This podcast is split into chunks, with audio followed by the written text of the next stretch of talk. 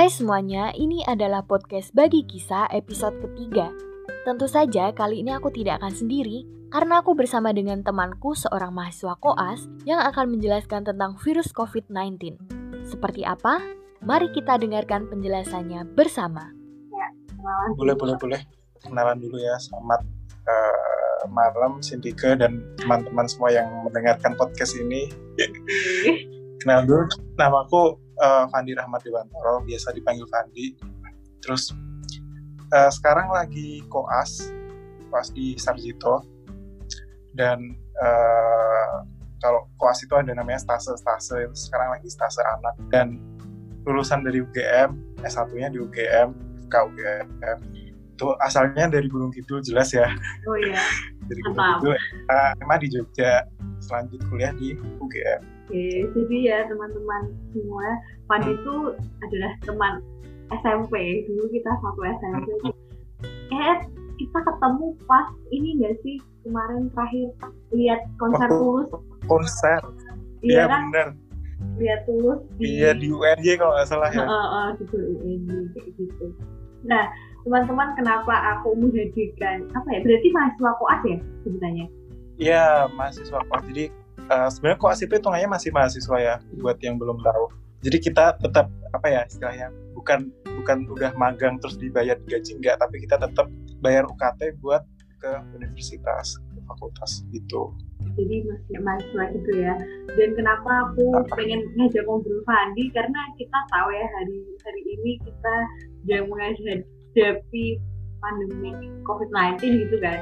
Corona hmm. banyak orang tuh ya mungkin mungkin sudah banyak yang tahu tentang informasinya cuman kalau bisa lebih enak kalau ngobrolnya sama orang yang memang di bidangnya yang menangani kayak gitu. Nah udah kenalan sebenarnya bisa dijelasin nggak sih virus corona itu kayak gimana? Terus bedanya sama virus biasa itu apa? Nah, kalau virus corona dibanding virus biasa ini agak subjektif ya. Jadi kalau virus virus corona sendiri kan dia kayak kesannya mengerikan sekarang ini soalnya hmm. apalagi dilihat dari kasusnya kan makin bertambahnya makin banyak. Ya ya emang semenular itu dibanding uh, virus biasa. Kalau virus biasa kan biasanya nyebatin uh, flu batuk pilek kayak gitu kan. Nah kalau virus corona ini dibanding kayak virus yang nyebatin uh, pilek gitu-gitu agak beda. Soalnya malah virus corona ini nggak nyebabin nggak sampai bikin pilek gitu-gitu tapi nyebabin paru-paru kita jadi meradang. Tuh. Jadi dia ya ke saluran napas bawah atau paru-paru kita. Tuh kalau virus corona. Ini mirip sama virus SARS sama MERS. Virus SARS kan dulu pernah outbreak ya pernah wabah tahun yeah. 2003 kalau nggak salah di di Cina. Kalau yang MERS itu yang di Arab. Nah itu mirip-mirip kayak gitu. Tapi persebarannya ini apakah beda ya dari MERS ini yang kamu ceritain itu? Oh be beda beda banget. Kalau SARS dulu ya kalau yang SARS itu tuh kan tahun 2002 kalau nggak salah ya 2002 2003 itu nggak sampai sebanyak ini kok. Sekarang kan sampai kita total kasusnya sampai jutaan ya. Mm -hmm. nah kalau yang ini mungkin karena cepat tertangani terus ya udah langsung kelar gitu outbreaknya dan tingkat penularannya nggak se sebesar yang virus SARS yang sekarang ini. Kalau yang MERS itu kan uh, setahu waktu itu tahun 2012 ya di Saudi Arabia itu juga nggak sebanyak ini kayak cuma ratusan nggak sampai malahan. Nah itu juga langsung langsung selesai gitu. Cuman kalau dilihat dari tingkat kematiannya emang yang paling besar itu MERS malahan. Yang MERS itu tingkat kematiannya bisa sampai 37 persen, sekitar segitu. Jadi kalau kamu lihat eh, COVID-19 ini tingkat kematiannya cukup rendah gitu atau seperti apa sih? Kalau sebenarnya kalau dibanding virus yang lain itu lebih rendah ya, terutama kalau di Afrika itu uh, hampir semua yang terjangkit Ebola itu meninggal, kayak hampir dipastikan meninggal sampai hampir 100% tingkat kematiannya. Nah, kalau yang COVID ini, itu sebenarnya kalau di rata-rata tuh di seluruh dunia kayaknya nggak sampai 10%. Cuman memang penularannya cukup tinggi cepet banget gitu nyebarnya jadinya yang kesebar ke mana-mana ya langsung kena itu. Oke. Okay. nah kalau penyebarannya itu kan lewat droplet ya. Nah itu uh, bisa jelasin nggak sih kayak droplet itu kayak gimana? Jadi kalau uh, virus covid ini sebenarnya penularannya bisa lewat droplet. Hmm. terutama ya lewat droplet. Droplet itu macam percikan percikan air.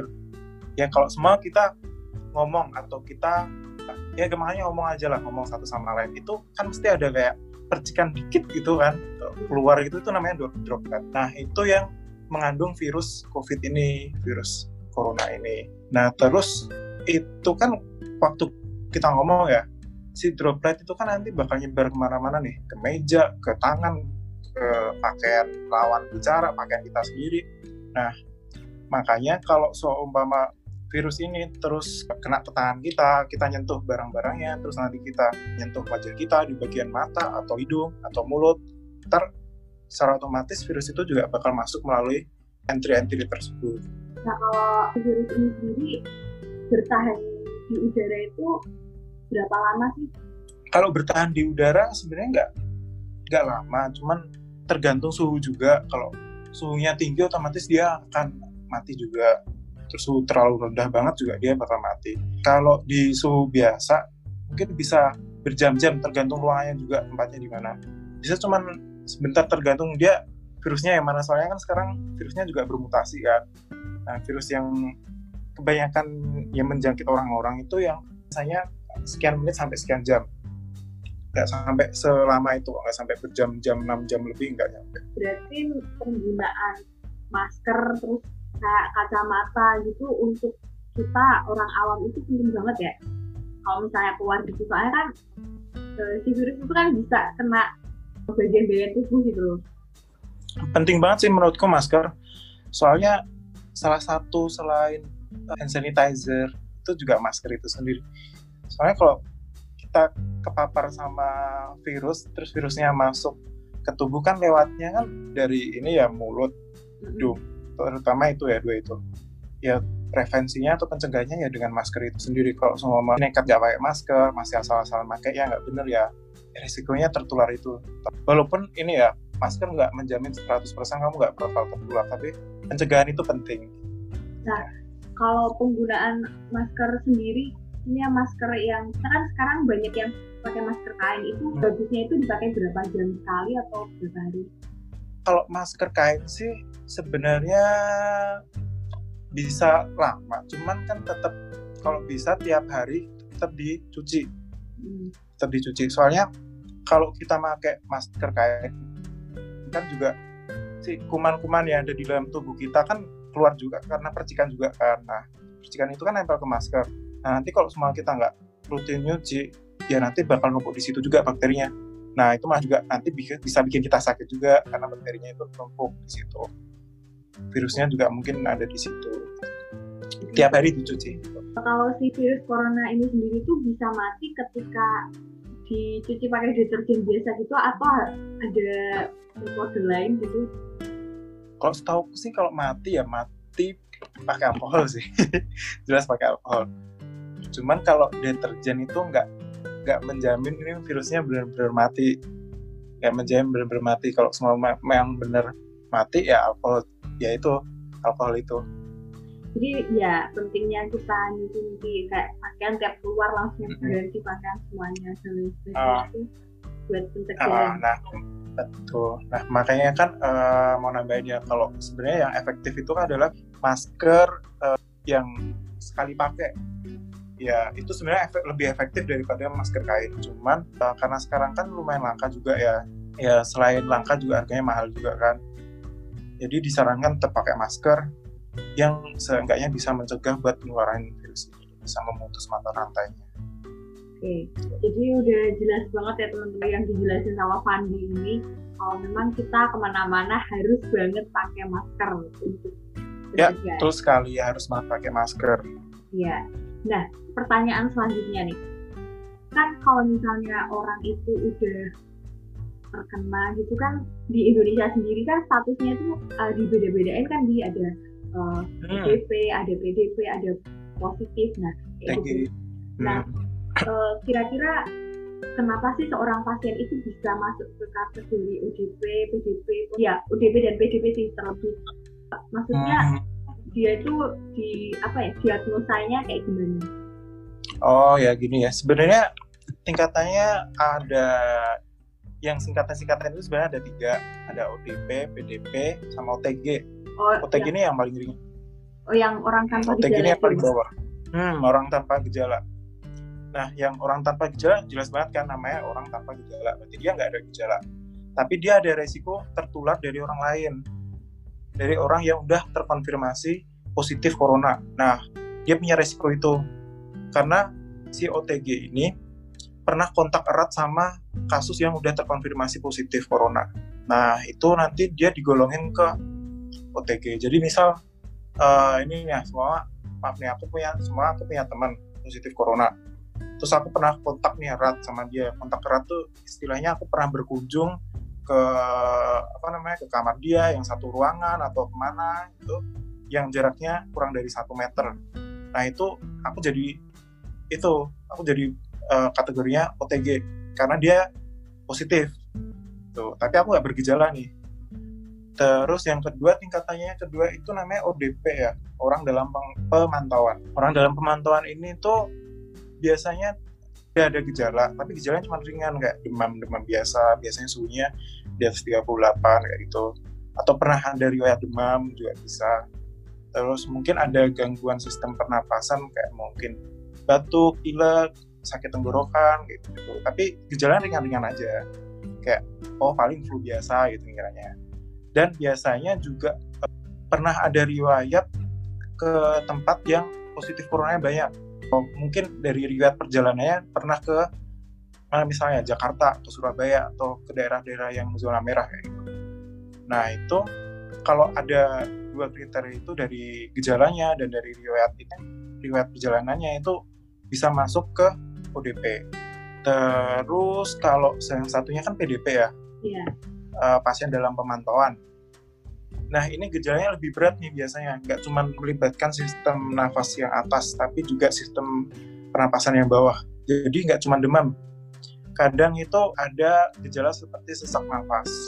Jadi bisa bisa demam disertai sesak nafas atau disertai ya, batuk gitu.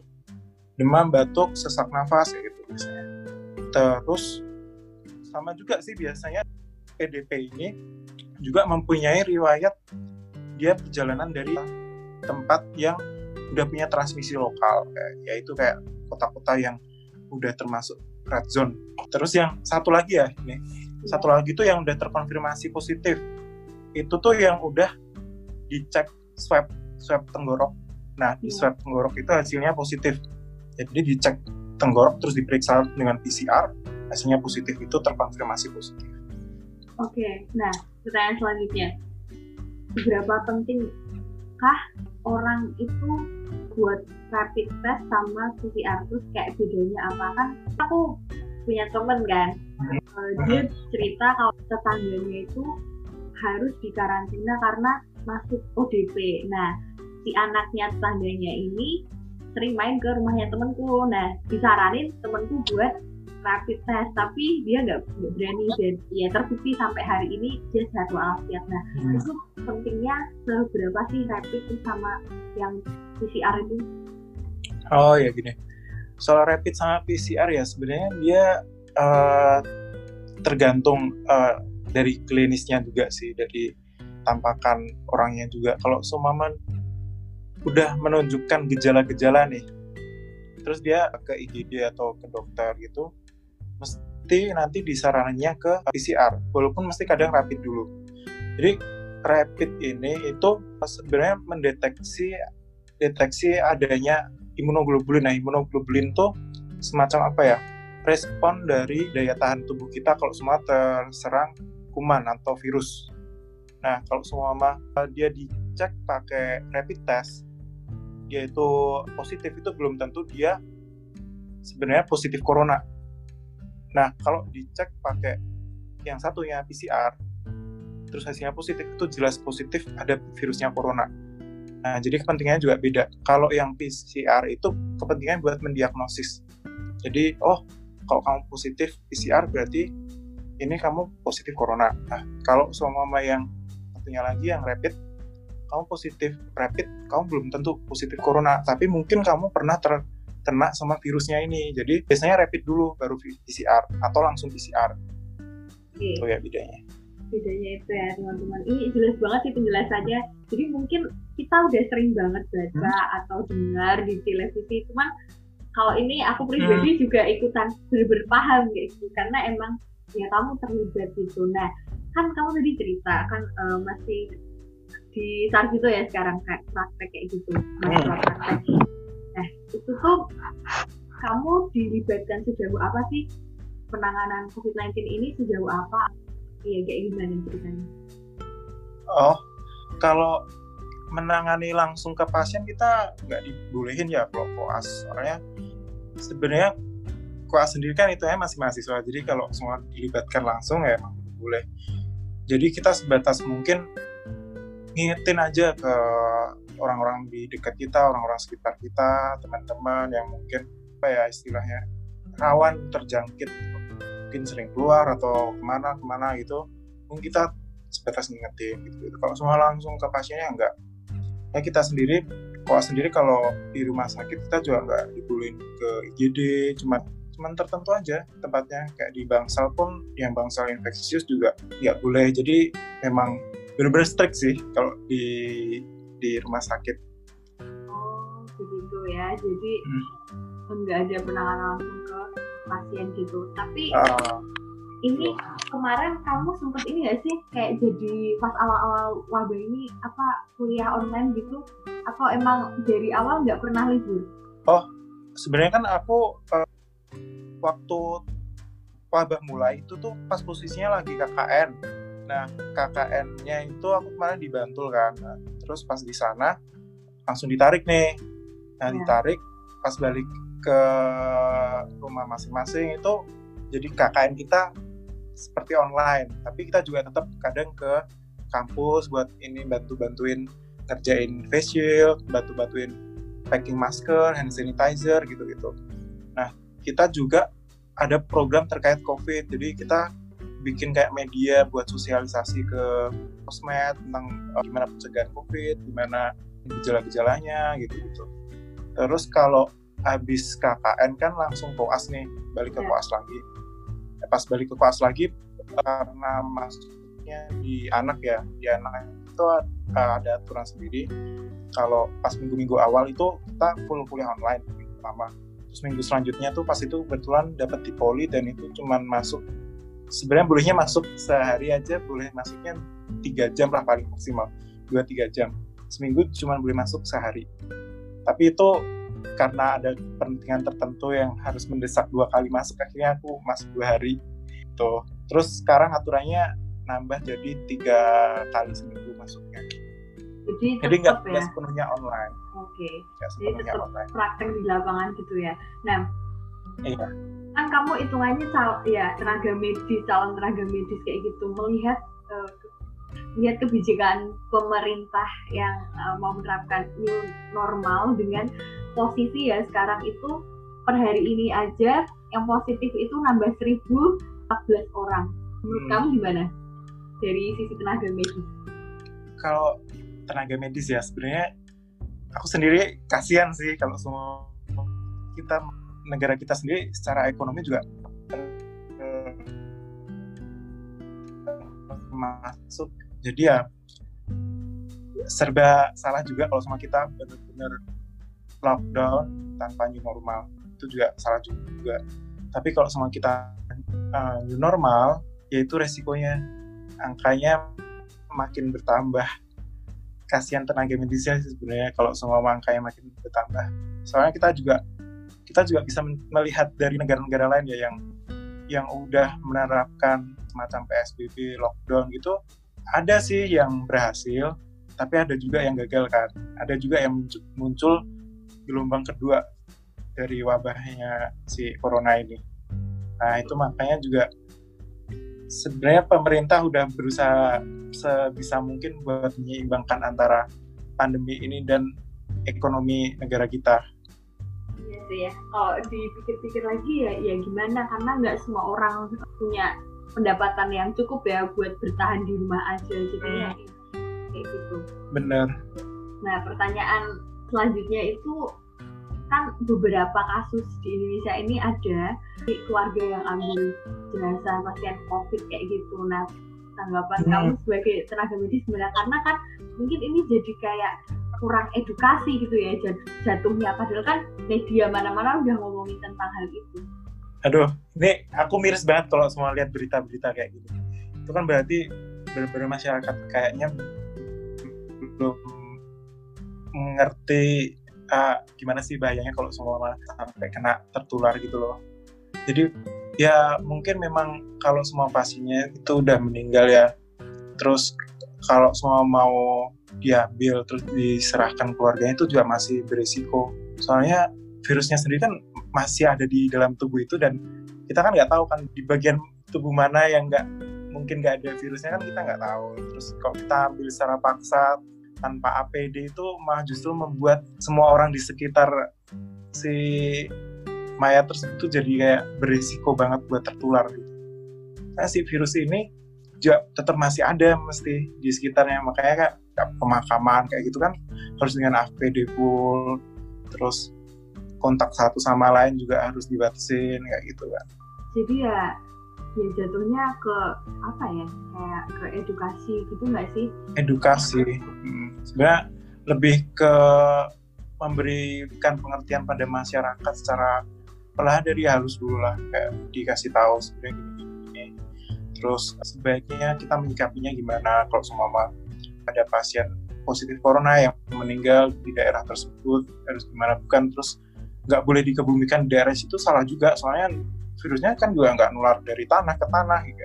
Kayak ya udah kalau semua udah terkubur daerah situ ya udah udah nggak apa-apa. Cuman kalau semua mau dibawa pulang dengan tangan kosong itu mah justru yang mengkhawatirkan.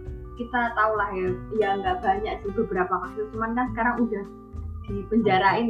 Kalau nggak dipenjarain sih kalau di TV itu diberitain di Surabaya di Sulawesi juga kalau nggak salah nah Iya. pertanyaan selanjutnya adalah kira-kira apakah vaksin atau obatnya ini udah ditemukan atau masih dalam penelitian dan Indonesia ini ngadain penelitian juga atau enggak sih sebenarnya? Nah, ini kebetulan kemarin sempat ada kabar bagus ya dari UNR kalau eh, sempat ada nemuin kombinasi obat-obat yang udah ada regimennya di Indonesia. Itu sebenarnya obatnya itu eh, obat-obat antivirus semua. Nah, cuman kurang tahu nih ini apakah masih dalam bentuk trial atau uji coba atau gimana kurang tahu ya soalnya dari datanya sendiri aku juga belum nemuin apakah ini udah efektif buat pasien corona atau belum. Cuman Indonesia sendiri uh, ternyata aku juga baru tahu kalau udah lumayan giat buat nemuin si obatnya ini. Nggak nggak cuman anti virusnya doang ya, nggak cuman maksudnya vaksin doang ya, tapi obatnya juga. Mungkin kalau ketemu nanti mungkin ya eh, di masa yang akan datang obat-obatnya ini bisa dijual bebas gitu nggak sih? Kan kayak kita nggak tahu kan Hmm.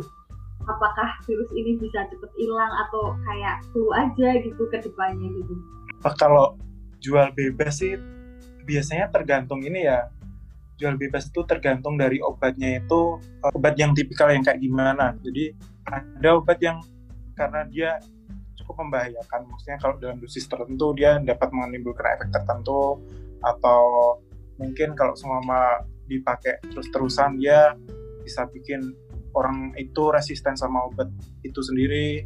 Nah makanya ini dilihat dulu sih obatnya ini nanti efeknya gimana soalnya kan obat ini juga kombinasi kan efeknya nanti kalau semua baik kalau efeknya baik ke pasien tersebut ya mungkin bisa sih dijual di apotek tapi mesti tetap dengan resep dokter nggak mungkin nggak dengan resep dokter gitu ya harapannya semoga cepet ketemu ya dan di, Ah.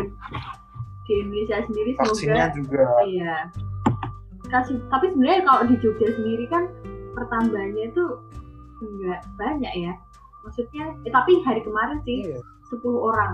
Eh, aku mah belum tahu ya update-nya yang terakhir-terakhir ini. Cuman kayak sempet kapan itu kan dua hari berturut-turut zero case ya yang positif zero Hmm. case. Terus sempat naik lagi nambah satu dua itu nambah. Kayak tambah nyampe 10 gitu. Emang dikit sih kalau Jogja. Penularannya termasuk rendah. Yang cukup banyak itu sekarang malah Surabaya yang memprihatinkan Oh, terus iya. sampai sekarang masih di zona hitam ya Iya, saking banyaknya saking banyaknya. Tapi me- mereka juga ngadain tesnya tiap hari banyak kan? kayak gitu tuh tergantung dari uh, tenaga medisnya yang memutuskan apakah si pasien ini perlu dites atau enggak kalau protokol ya jadi udah sesuai dengan SOP jadi kayak nggak bazir gitu yang uh, tes maupun yang nggak dites Ya, jadi kurang lebih seperti itu teman-teman. Nah, pertanyaan belum menuju pertanyaan terakhir ini. Mungkin banyak orang juga penasaran. Ketika orang sudah terkena COVID-19 ini, apakah di kemudian hari dia jadi kebal atau tetap masih bisa kena? kalau ini nih ini info menarik nih jadi aku pernah baca dari suatu artikel-artikel sama jurnal itu ternyata bisa timbul infeksi lagi pada orang tersebut jadi waktu di kemarin di Cina kan ada yang udah sembuh ya Bu. terus setelah uh, udah dari rumah sakit pulang setelah sekian hari eh dia kepapar lagi. Kepapar lagi dia positif lagi. Jadi kayak nggak nggak benar-benar menjamin kalau semua udah terpapar itu nggak terinfeksi lagi. Jadi tetap kalau semua udah sembuh itu tetap ya harus tetap isolasi bukan isolasi sih kayak tetap ya stay di rumah aja lah. Jadi jadi ya nggak nggak mungkin agak sedikit mirip ya dengan kalau misalnya kita kena flu biasa. Sekarang kena flu mungkin satu bulan lagi akan bisa kena flu lagi gitu ya sifatnya. Ya bisa bisa bisa banget. Soalnya ya itulah namanya respon imun atau kekebalan tubuh kita itu seperti itu. Mungkin bisa lebih buruk dari gejala-gejala yang sendiri bisa lebih buruk mungkin bisa cuman ringan-ringan aja. Itu juga tergantung dari dari virusnya itu sendiri sama dari sistem imun kita sistem kekebalan tubuh kita. Jadi eh, itu tadi penjelasan dari Fandi tentang bisa nggak sih kalau misalnya seseorang udah kena terus kena lagi? Nah kalau misalnya apa ya orang yang udah terkena itu eh, kondisi paru-parunya kan orang ini udah kena terus sembuh. Nah itu apakah lebih Hmm. buruk daripada sebelum terkena gitu? Oh ya, ini sempat baca juga kalau ah, dari yang hasil sebelumnya waktu yang di Cina itu itu menunjukkan kalau pasien-pasien yang udah kena itu paru-parunya udah cukup ada lumayan ada kerusakan ya sekian puluh persen gitu. Hampir 50 persen ke atas malahan udah ada kerusakan di paru-paru. Jadi kalau semua udah kena kayak gitu ya harus benar-benar disayangi paru-parunya. Soalnya nanti kalau semua kena lagi makin makin rusak lagi lah paru-parunya kayak gitu. jadi kalau udah kena paru-parunya otomatis em, ada penurunan ya untuk fungsinya kayak gitu Penurunan uh, terutama penurunan fungsi itu jelas. Nah, ini pertanyaan terakhir. Pesan tentang uh, COVID-19 ini buat teman-teman yang dengerin harus seperti apa? Kalau pesanku sih yang jelas satu pakai masker kalau keluar rumah satu harus itu. Terus dua cuci tangan. Kita ternyata gara-gara corona ini jadi makin aware, lebih makin sadar kan kalau semua cuci tangan itu penting banget. Ya terus uh, kita nggak terus uh, apa ya namanya fanatik terus harus cuci tangan setiap saat waktu nggak ngapa-ngapain terus cuci tangan nggak maksudnya kayak habis kita kontak dari luar kita kontak barang tertentu yang mungkin itu bisa jadi membawa virus corona itu kan juga penting juga itu kan toh cuci tangan kan kita juga nggak menghalang-halangi kita buat uh, buat nggak tertular gitu loh. Jadi ya alangkah baiknya kita cuci tangan itu. Terus cuci tangannya juga yang benar. Jadi jangan cuma asal-asalan. Kalau bisa pakai hand sanitizer alkohol yang mengandung alkohol gitu. terus pakai sabun. Terus sama jaga jarak itu penting banget juga. Jaga jarak minimal ya satu meter dua meter lah kalau bisa. Jaga jarak sama lain itu udah lumayan aman tapi pas jaga jarak ini harus pakai masker juga. Kalau semua nggak pakai masker juga nanti sama aja makin risiko buat tertular juga kan. Terus ini sih sama pesan-pesan juga buat yang aktif banget di WA sama di sosmed. Ini kan sering banget dapat info-info yang nggak tahu kejelasan sama sumbernya dari mana kan. Nah itu mending pinter-pinter nyaring deh sebelum di-share ke teman-temannya atau ke grup keluarga yang lain. Itu penting banget buat kita. Soalnya kalau kita nyebarin berita yang belum tentu terbukti kebenarannya kan juga kita uh, berbuat dosa juga kan. Itu sih yang paling jadi concernku terus jangan sampai ini kita uh, sendiri selama pandemi ini. Terus kayak melihat kasusnya kok kok makin harinya makin bertambah ya kok nggak pernah namanya resolve ya kok angka kesembuhannya kok dikit ya di Indonesia gini gini gini. Nah, itu kadang kan orang yang mungkin gampang parnoan itu akan bertambah parno ketika melihat berita-berita kayak gitu itu kalau bisa ditekan dulu jadi kayak kita menyerap hal-hal positif yang kita dapat yang bersumber sumber dari internet kayak gitu. Terima kasih Fadi sudah berbagi mm-hmm. ilmu dengan kita semua ya teman-teman yang mendengarkan dan aku juga jadi ya semoga bermanfaat buat semuanya ya kita berdoa sama-sama biar kita bisa kuat melalui ini semua. Amin. Amin. Semoga cepat kelar cepat banyak yang sembuh cepat selesai terus cepat pulih lagi kondisi negara ini kondisi dunia ini. Makasih ya Fandi. Yuk sama-sama Sindika. Selamat malam semuanya